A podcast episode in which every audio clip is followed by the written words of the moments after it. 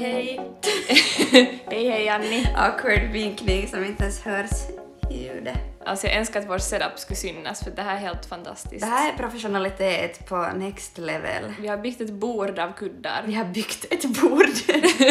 Vi har snickrat Vi har snickrat ett bord. Mm. Karro har radat tre kuddar på varann. Mm. Det, det är professionaliteten. Absolut, så här, så här gör man. Det känns som att jag sitter närmare sådär. Jag var just sådär att du riktade den rakt mot mig och flyttade Det dig i ifrån.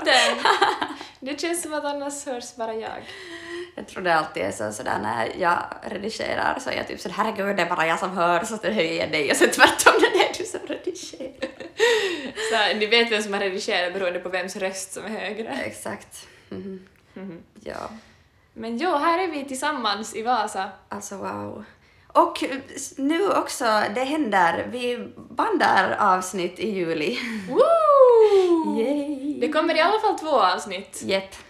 Ehm, det har varit väldigt sådär oklart. Mm. Och, Det beror delvis på att mina planer för den här sommaren är extremt oklara. och delvis på att min ability att planera saker har flaxat iväg nu i juni. Men jag har orsaker. Det, det är okej. Jag har kort att kasta fram. Kort att kasta fram. Man har ett S i rocken men not. S i rockärmen, I wish. Nej Nej. men ja. Det känns bara som att jag är... Alltså jag är helt funktionerande individ, men jag är helt upp och ner.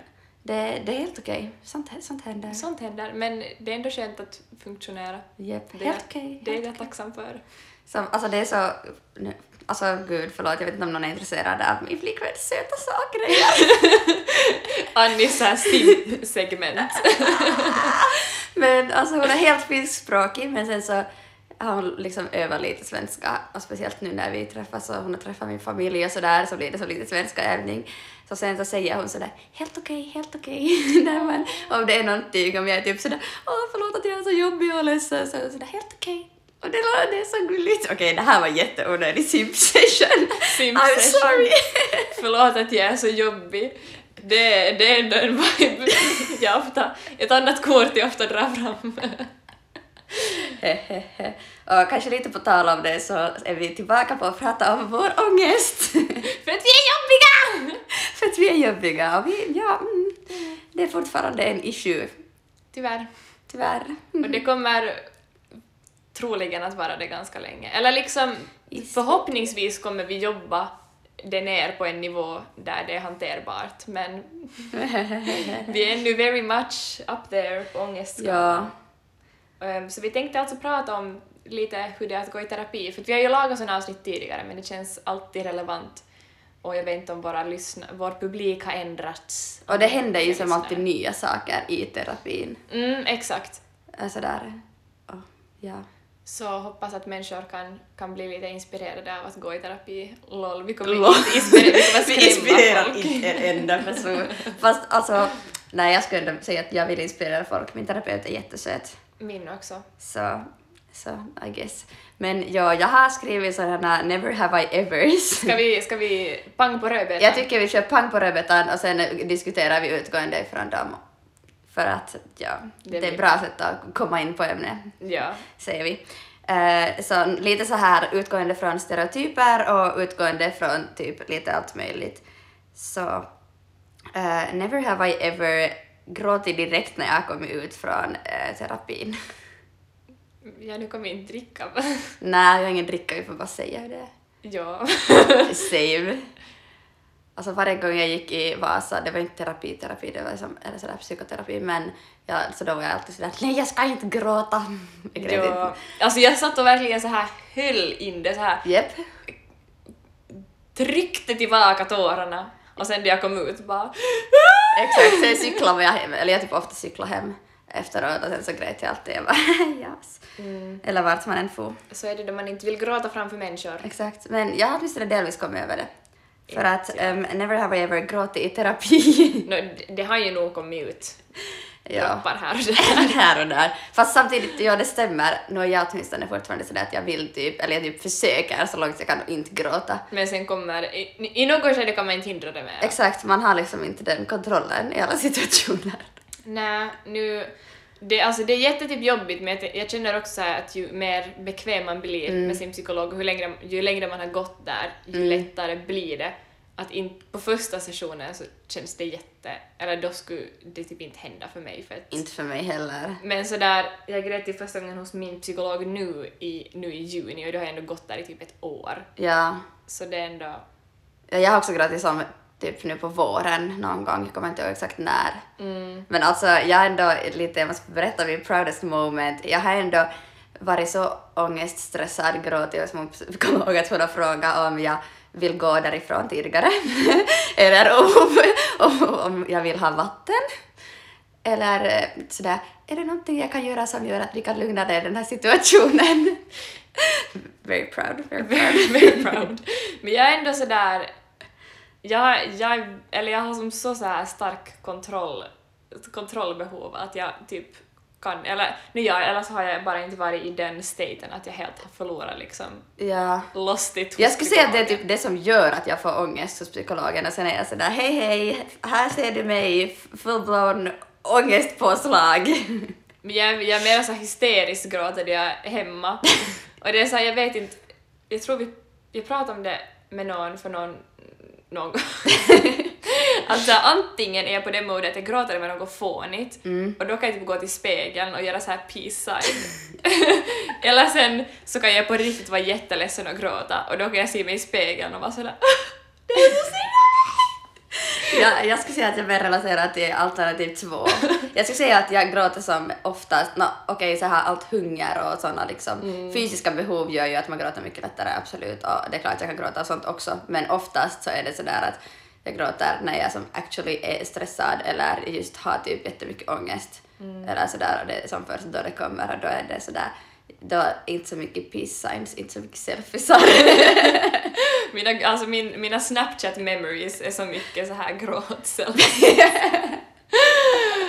Jag vet inte varför det är en grej, men ibland vill man bara dokumentera det, för att sen då man, då man är i ett bättre stadium av sitt liv kan man se tillbaka på det och vara sådär att oj, vad skönt att jag inte är sån där just nu. Mm, sant. Fasiken borde jag ändå ha tagit lite gråtselfies. Men ja, Jag kan posta någon gråtselfie på hennes Instagram.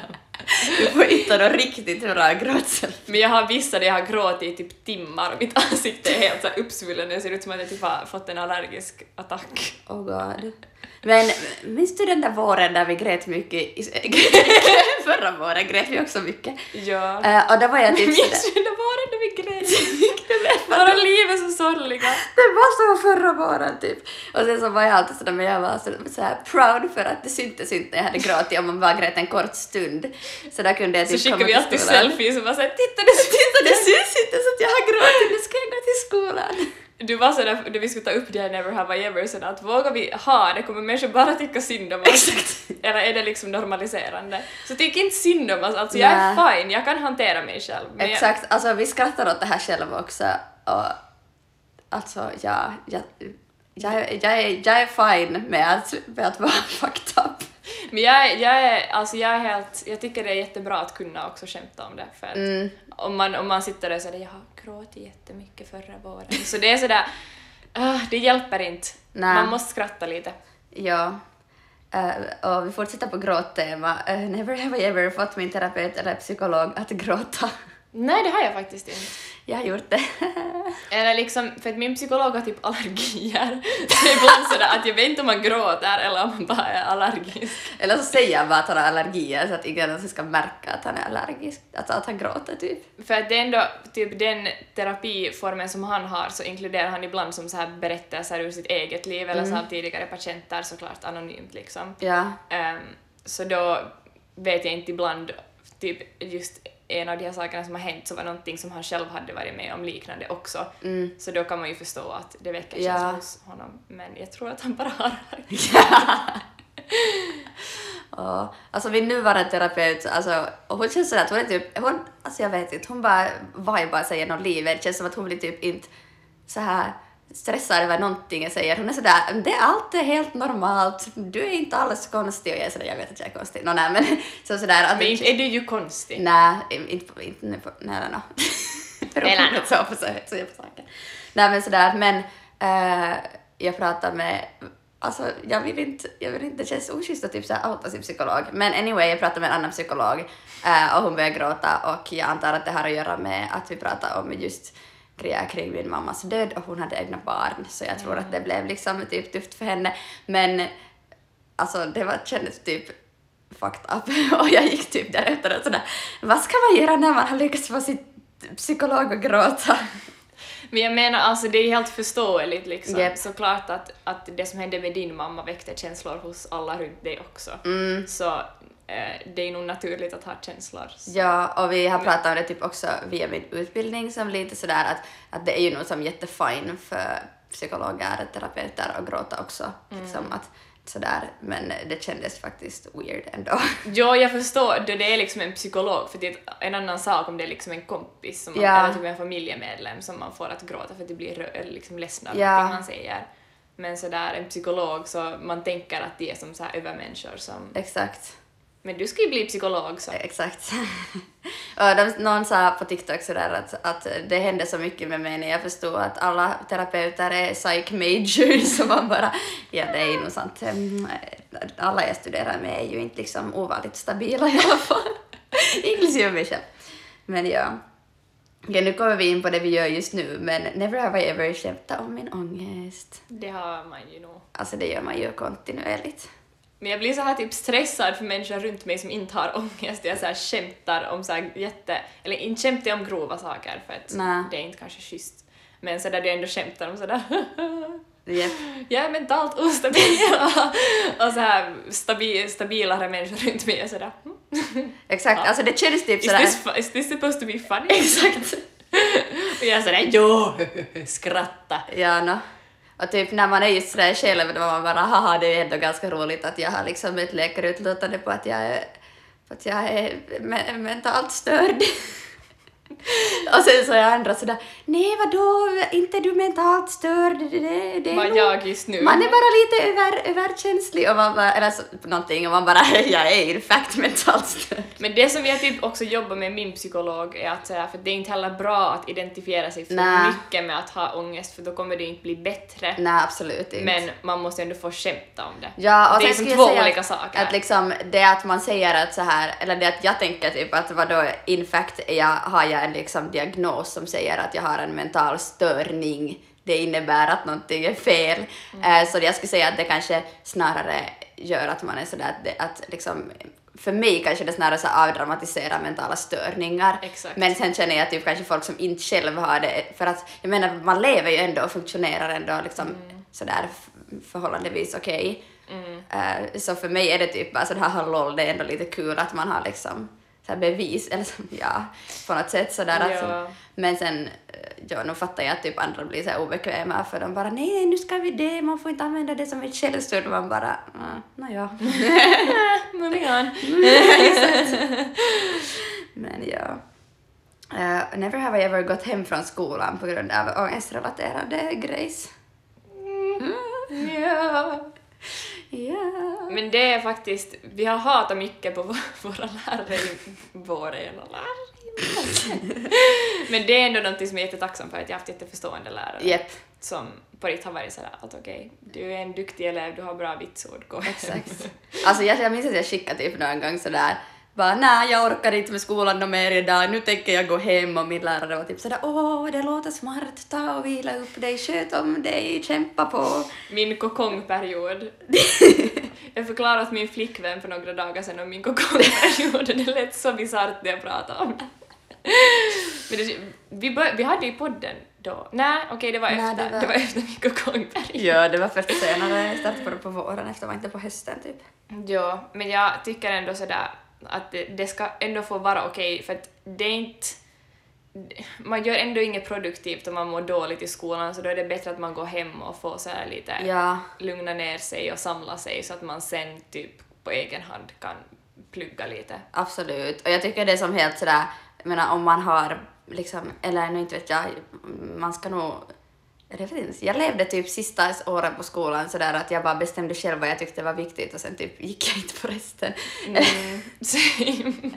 Men vi hade som- jättemycket så här, vad heter det, alltså kurser inför studentskrivningarna Ja, och det det- var, många av dem var ganska sådär onödiga, Eller sådär. Ja. Det var, man, det var mycket, man kunde göra det på egen hand. För Exakt. jag, le- jag var ändå jätte liksom, jag hade ändå ett jättestrukturerat lässchema så jag visste att jag liksom skulle klara det. Ja. Utan, he, var det preppkurser? Vi kallar väl det typ ja, preppkurser. Jag tänker bara på preppkurser till universitetet. Ja, men kanske det vi kallar nog det det då, eller det kallades där också. Mm. Eh, ja, alltså jag tycker gå bara hem och liksom om man... PK-podden uppmanar till skolkning. Nej men liksom typ när jag gick på fyran, jag tror jag läste nog 15 kurser och jag slutförde typ fyra. Men du hade ju också tillräckligt med kurser. Så. Ja, jag behövde inte kurserna och jag fick typ infon och sen så var jag sådär, det här ger mig ingenting, jag är, kan lika bra och sen så, nå ja, man skrev ju helt bra så. Oh, Lol, okej, vi Flexade vidare. här. Okej, eh, never have I ever försökt få min terapeut att skratta. Försökt? Nej, inte vet jag om jag har försökt. Ja, alltså jag vet inte heller. Jag har inte sådär skämtat på det sättet med flit, men, men nu typ sådär ändå kanske på något sätt lite ditåt att jag som med flit formulerar mig på ett sätt som så här skapar en möjlighet att skratta typ. Ja, exakt. Eller sådär. Ja, men... Eller jag vet inte, min terapeut har så här, eller han, har en, han är ändå lite så här humoristisk. Så han är ofta själv så, så jag säger någonting och skrattar åt det. Så skrattar åt sig själv. Ja. Alltså det känns som att typ Uh, jag, både min nuvarande terapeut och min psykolog, så jag gick till här i Vasa, har typ bara skrattat åt mig spontant. Nej, gud! Det här, Ja. Alltså jag hade med någonting som jag skulle skriva hemma, någon typ lista på någonting. Mm. Eh, och sen så skulle jag läsa min psykolog, det, det var här i Vasa, och hon bara Får jag skratta? Frågade hon typ i något skede och sen så skrattade hon som rakt ut när hon läste vissa saker. Man bara ja. Men det är vissa saker som man säger sen man så det vet att det här låter jättedumt och Japp. du får skratta.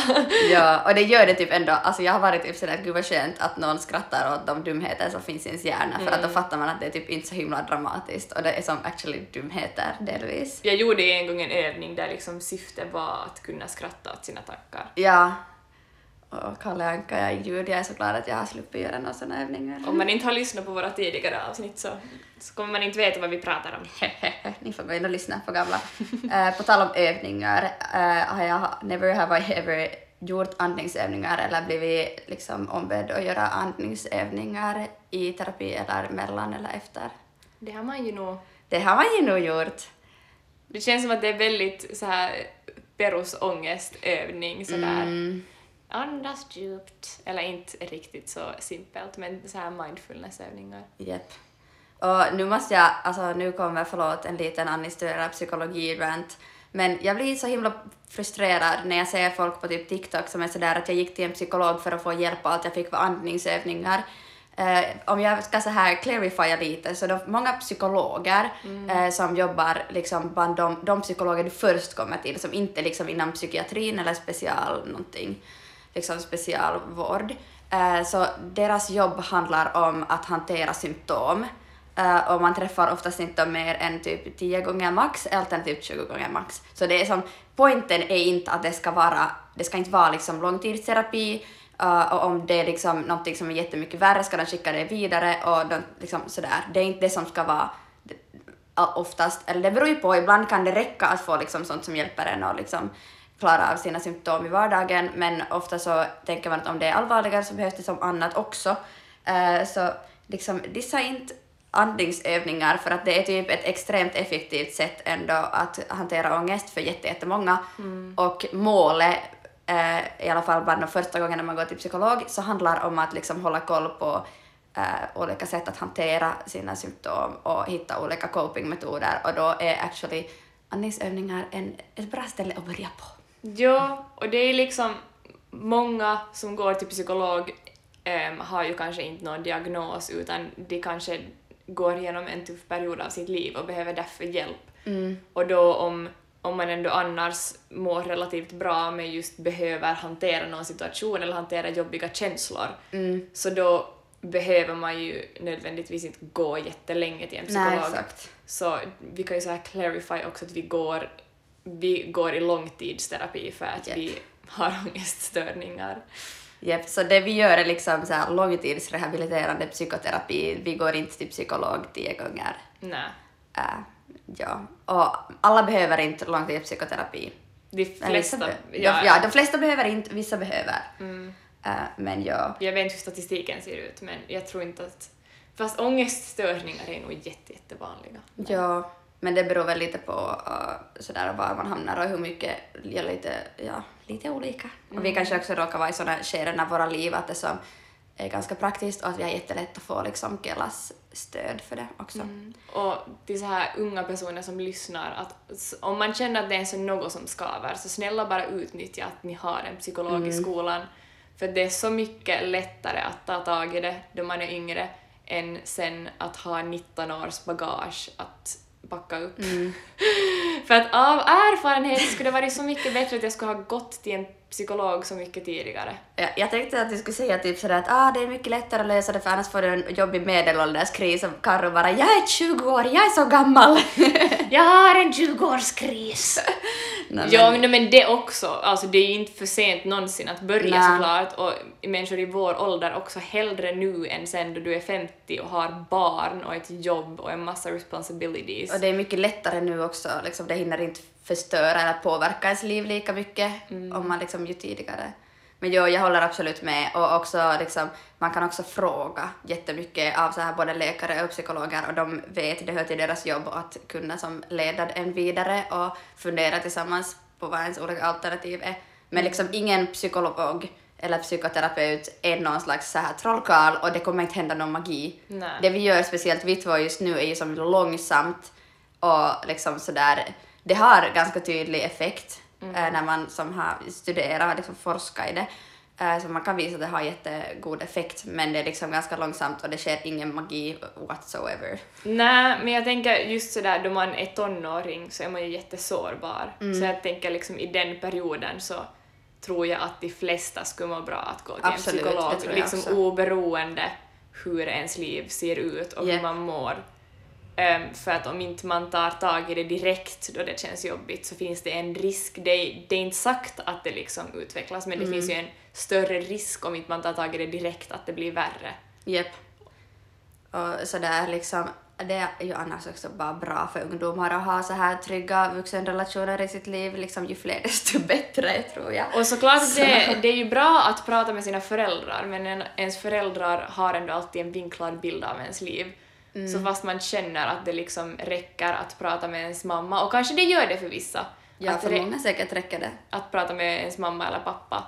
Men om man, så fort man känner att man gärna ska prata med någon annan så just do it. Japp, det finns liksom, och kuratorer är också jättebra liksom att gå som till först om man känner att man vill, eller att man vill veta lite eller sådär, just få hjälp vidare.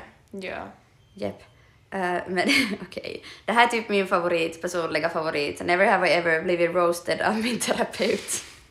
100 procent, eller så här välment roast. Alltså ja. Jag kommer inte på någon specifik situation men det har nog varit gånger det har varit sådär nej men Caroline! Ja, alltså min terapeut har typ så här varit sådär att, att jag att, no, inte kan, att någonting om att sådär att no, du kommer ju aldrig kunna ha ett eh, fungerande förhållande om du hela ditt liv ska leva med så här felaktiga tankesätt. Nej, jag vet inte exakt så, men typ. Och jag bara, ah, thanks, I know. Nej, men det var lite kul. Och sen var hon en gång, hon sa typ så här lite skrattande sådär att, att hmm, no, du tänker ju nog ganska mycket som ett barn. Och sen skrattade hon lite åt mig och jag bara, eh, tack. Tack! Apparently tänker jag som ett barn. Men jag är också mogen och vis. Best of both worlds. Absolut. Ja. Eh, ja, på samma, samma linje, never have I ever fått höra min terapeut förklara superenkla saker åt mig som man ändå inte fattar. Ja. Det är sådär, dina tankar stämmer. Exakt Det var, alltså, men det, var, det är på ett helt absurt att jag har tagit mina tankar så seriöst. Det var liksom Mm. på riktigt. Det låter ju jättedumt då man ändå ser sig själv som en rimlig individ. Ja. Att en psykolog ska sitta och säga åt en att dina tankar är inte 100% sanna bara för att du tänker dem. Det är sådär no shit, men varför kan jag inte fatta det?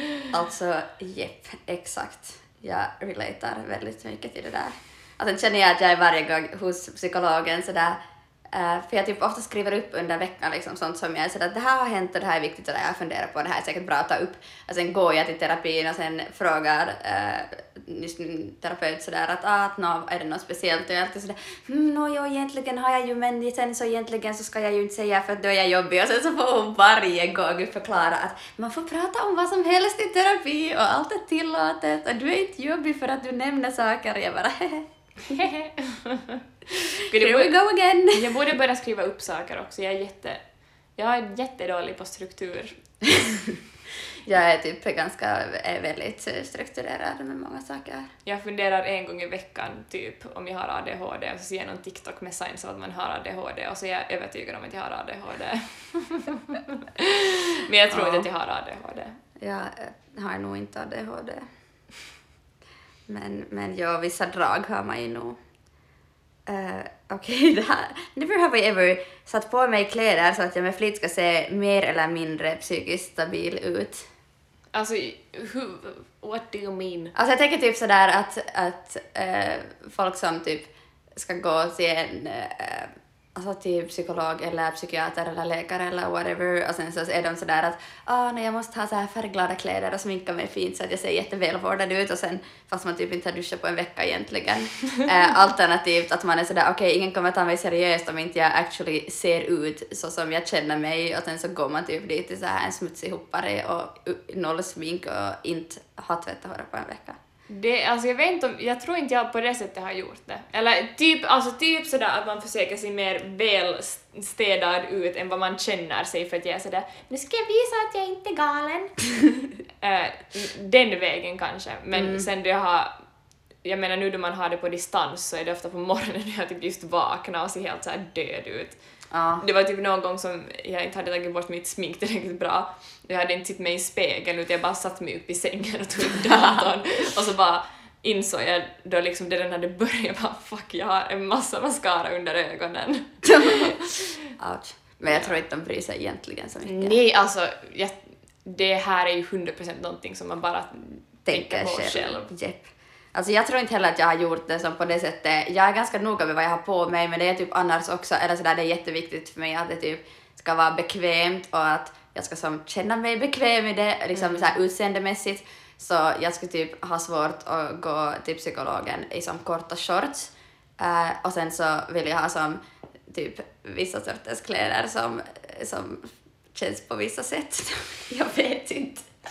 Och sen ibland då jag är stressad över min sexualitet så jag säger okej okay, jag kan inte klä mig så att det ser för gay ut så att inte min psykolog tror att jag är ultra-gay som att det var något fel på det. Men sådär. Ja. Typ sånt har jag kanske också tänkt på ibland. Men ja. jag försöker ändå att inte som anpassa mig efter mina tankar. Mm. Utan istället då typ utmana mig själv. Gud, alltså jag kan... Jag, jag jag anpassar mig så långt efter mina tankar men, men samtidigt är det, nåja, inte vet jag, vissa, liksom, vissa saker är jätterimligt och typ jag är glad att jag är liksom noga med att sätta bekväma kläder för att om det ska vara kläder jag dessutom ska känna mig liksom kläder jag känner mig obekväm i och så måste man typ prata om obekväma saker, alltså det skulle vara too much. Och så där, det är ju ändå en grej att man får tungt att andas till exempel då man har ångest, mm. så då är det inte kul att ha något jättetajt för att då känns det som att man typ kväver sig själv. Yep. Kväver. Kväver sig själv. Det har börjat hoppa ut så här södra Finland-grodor ur min mun. Men det är liksom inte, för att inte ens människor i Åbo pratar typ så. Mm. Min hjärna bara får kortslutning. Blir besatt av en södra Finland-ghost. No, du har idag hört mig live vad vi har pratat finska i misstag. Så. Just ja. Du bara kollade någonting på Instagram och så här, för vi var med vår kompis och hennes flickvän som talar engelska, mm. så vi talar liksom engelska och svenska så här blandade jättemycket typ. Yep.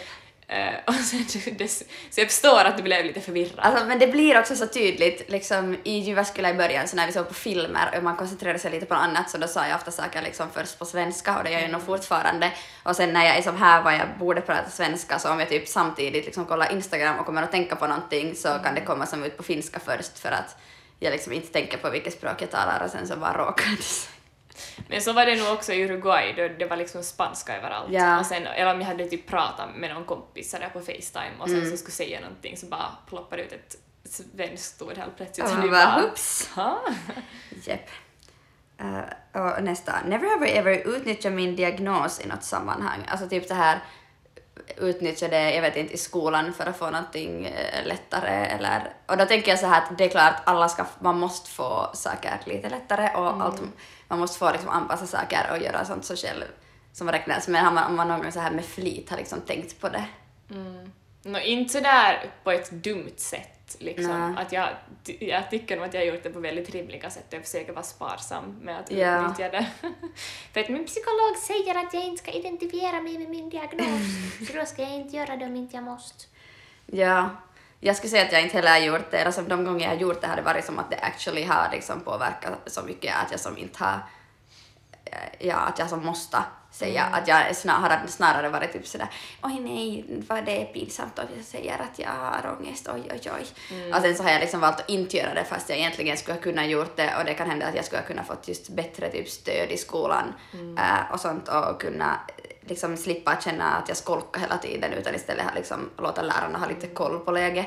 Men, men ja, jag skulle inte säga att jag utnyttjar det på det sättet. Så vi har väl utnyttjat det mindre än vad vi kanske ibland borde.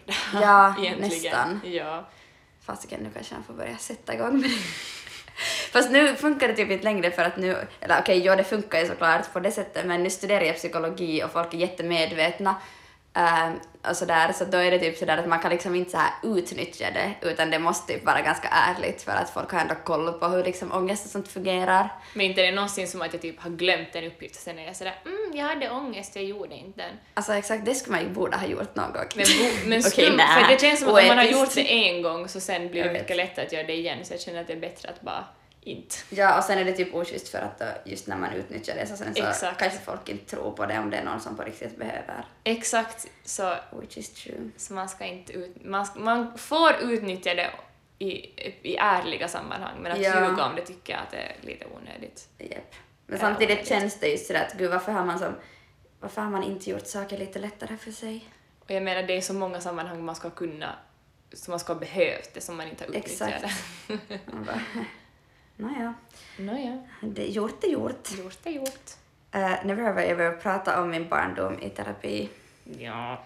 Alltså varje gång, första gången är det alltid sådär, "Nå, berätta nu går vi igenom. Mm, Sen är man alltid sådär, ja, där har jag vuxit upp, det här är min familj.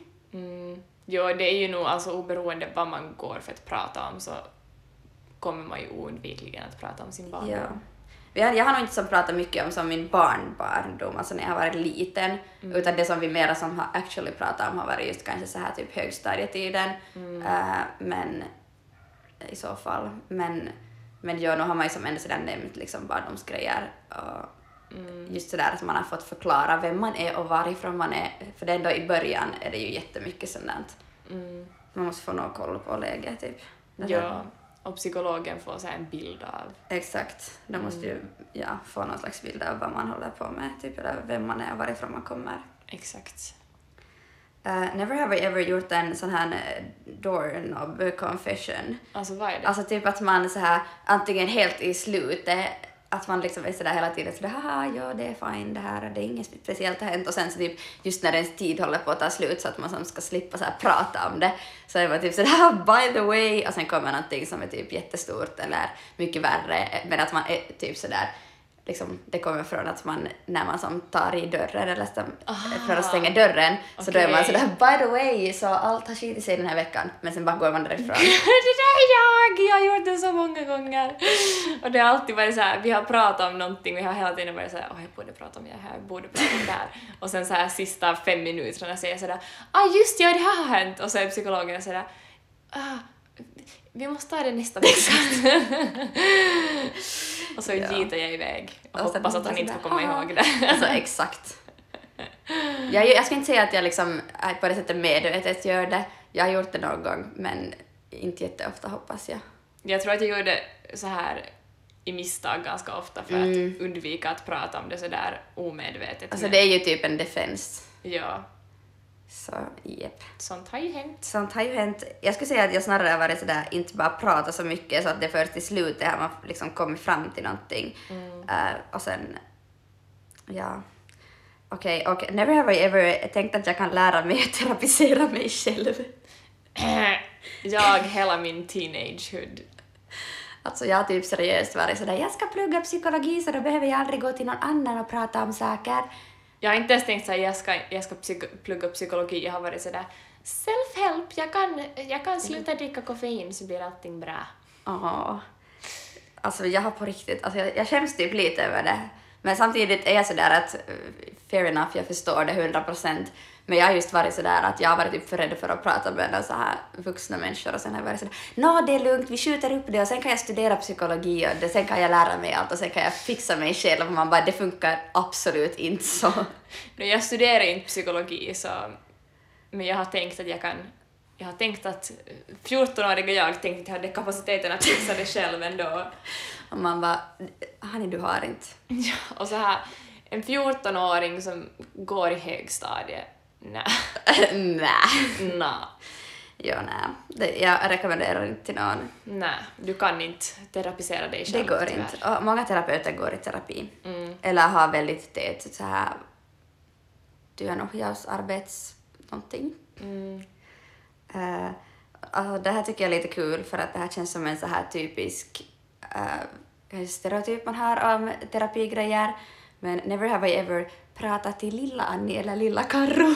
Ja, det har man ju nog också gjort. Jag har faktiskt inte gjort det tror På jag. riktigt? Oj. Jag har liksom pratat så här till nutiden eller typ sådär, jag typ skrivit ett brev, oj nej, nej det här tänker jag inte öppna, desto mera. Den lådan öppnar vi inte. Men sådär, ja, ja, jag tror inte att jag har någonsin pratat sådär till lilla Annie. Jag har nog gjort det många gånger och det har alltid varit jätte sådär emotional. Det är jätteemotional, för det är så jobbigt. så här, jag tänker, för jag tänker så här på lilla Caroline så tycker jag bara jättesynd om henne. Ja, man är typ, fast jag är sådär högstadie, jag är, typ, jag är både och för jag är sådär Nej, herregud Annie, skärp dig. Liksom till den, till också till liksom vem man var förr. För att jag känner mig ändå så mycket som samma person. Så då är det typ sådär, jeez, varför kunde jag inte skärpa mig? Men sen samtidigt är jag bara sådär, oj, oj, oj, oj. Och jag har haft så mycket konstiga faser så jag är också dels sådär, åh herregud, kunde inte jag bara ha skärpt mig? Men på, och sen, men på samma gång så är man ändå sådär, nej men lilla vännen. Ja, och sen ändå när man tänker nu, så nu förhåller jag mig jättelångt till så här överhuvudtaget typ också i gymnasieåldern, liksom sådär att, att barn är barn och eh, även om man är liksom ungdom och tonåring så du är ett barn och man är inte, jag är inte ännu heller liksom så här fullt vuxenutvecklad även om jag, vi fyller 21 i år. Eh, men ja, så att nu på det sättet kan jag nog vara ganska så mycket sådär att gud, jag var ett barn när vissa saker har hänt och ja. Men det är så konstigt att tänka för att vi är ju liksom i princip så här, så här enligt lagen vuxna nu. Eh, men vi är ju, alltså vi har ju så långt kvar att egentligen vara vuxna. Jepp. Och det är som så konstig situation för det är ändå som en så tydlig kontrast till att man har varit en tonåring men det är ändå så långt att gå. Jag tänker så här då man är typ 30 och lyssnar tillbaka på gamla avsnitt så Oh kommer man vara sådär eller alla säger ju så att man tror att man är så stor då man är 20. Mm. Eh, och det är ju nog sant, liksom, speciellt om man blir så här 18 och är så här i lagens namn vuxen så tror man automatiskt liksom att man är jättestor. Men man är ju inte, det är ingenting som ändras över en natt bara för att man far från 17 till 18. Nej, exakt. Och sådär rent eh, fysiologiskt så äh, pannloben fortsätter, fortsätter utvecklas fram tills man är 25 eh, ungefär så man är ju som inte heller, hjärnan är som inte helt färdigutvecklad heller. Jag tänkte säga så vi är hjärndöda. Vi är hjärndöda, nej det är vi inte. Men vi är ju inte ännu fullt utvecklade och det är ändå skönt att tänka att, Mm, att man kommer ännu utvecklas. jepp. Och sen så där, ja fast man är vuxen så det betyder ju inte att man liksom inte, eller jag vet inte, det här är liksom, ja sådär att man måste ju ändå inte liksom oavsett om man är vuxen eller barn så man måste inte klara av allting själv hela tiden. Exakt. Nu har ni lyssnat bra på sin terapeut. Man kan be om hjälp. Cred- Creds till Oti. Outi. Shout out Outi. Shoutout Oti, hon är nog en, hon är en bra typ. Och Juha-Pekka. Juha-Pekka! Han heter literally Juha-Pekka! Oh my god. Oh. Oj, oj, oj. Men ja, alltså jag känner mig jättevuxen idag för vi ska segla imorgon. Och jag har själv packat med lakan och handhanddukar och handdukar. Och det brukar vara en sån här grej som när man är barn så behöver man typ inte vara den som så här planerar mat jättemycket. Eller vi har typ varit med så här idé, fixa idéer om mat och sen typ packa våra egna saker. Men sen har typ så här mamma och pappa fixat liksom just lakan och handdukar och handhanddukar och liksom, ja, som mer noga matplanering och nu känner jag ändå sådär att jag har packat våra lakan och handdukar, jag har varit med och planerat vår mat, jag ska gå med pappa till butiken. Känns vuxet. Och så överlag, typ då man reser, då man som får resa på egen hand utan sina föräldrar så känner man ju sig jättevuxen för att man har varit van att ha den där barnrollen av att bara hänga med. Japp. Men nu är man den som själv håller i tyglarna. Ja. Alltså nu drar jag ett veckans tips och det är att åka och vandra någonstans. Eh, och gör det på ett tryggt sätt men alltså det är så otroligt empowering. Alltså det såg helt fantastiskt ut. Det var helt fantastiskt. Och det var också, alltså det ger en sån liksom, känsla för att jag var just då med Heta och vi är liksom två 20-åringar, eller hon är 21, men hon är född i början av året. Ehm, och sådär. Och liksom att bara, där vi båda har liksom rört oss mera i naturen och sånt med just någon förälder och då har man så tydligt en barnroll och bara att liksom gå dit ut och märka hur mycket man lär sig och hur mycket man klarar och liksom hur väl man ändå lyckas just planera och ändra planer och fixa nya planer och liksom allt möjligt. Eh, det är sjukt eh, så stärkande. Man bara wow, vi klarar oss jättebra själva fast vi inte liksom på det sättet har vandrat. Eh, vi har aldrig vandrat tillsammans förr och inte heller utan föräldrar och jag har inte vandrat överhuvudtaget som jättemycket liksom natturer. Så alltså, mm, det Jag kommer, nice. jag kommer ta det tipset i augusti. Det låter bra. Jep. Har du några bra fina tips? Alltså, jag sitter här och funderar. No, vi pratade om det lite nu före, eller ja. Men alltså, Benjamin Ingrossos, den här sången Allt det vackra, alltså den är så fin på riktigt. Alltså, lyssna på den, snälla gör den tjänsten. Och det är som så på något sätt så här fin sommarlåt och alltså jag vet, jag vet inte så mycket om honom och hans musikbakgrund och sådär, men han... Som att han vann Lilla Melodifestivalen. Hej Sofia är nog den bästa sången. Eh, ja. Men alltså han, han är en så skicklig liksom musiker och just de sångerna, jag känner att det kommer vara liksom så här Thomas Ledin-status om 30 år, på riktigt. Det kan hända. Eh, så lyssna, hela det där albumet, men speciellt allt det vackra är så otroligt fint. Åh, jag har inte lyssnat på det. Jag försökte lyssna på en sommarprat idag men sen sov jag istället i två timmar. Om vi skulle bo i USA så skulle vi kunna sätta in låtar från Spotify på poddplattformen där vi laddar upp som heter Anchor. Men i Finland kan man inte, så Nä. att Fasiken, no, ne, no, någon gång kanske det fixas till Finland också. sucks to be here. Sucks to be here. Där ska vi sluta på den noten. Positivt. Positivt. Gå till psykolog eller kurator eller en annan utomstående vuxen i ditt liv om du känner att du behöver det. Det är jättebra, det är jättevärt. Och om den första är skit så gå till en annan. Exakt, det var allt vi ville säga. Exakt, tack och godnatt, fast inte godnatt. Tack och hej då. Tack och adjö.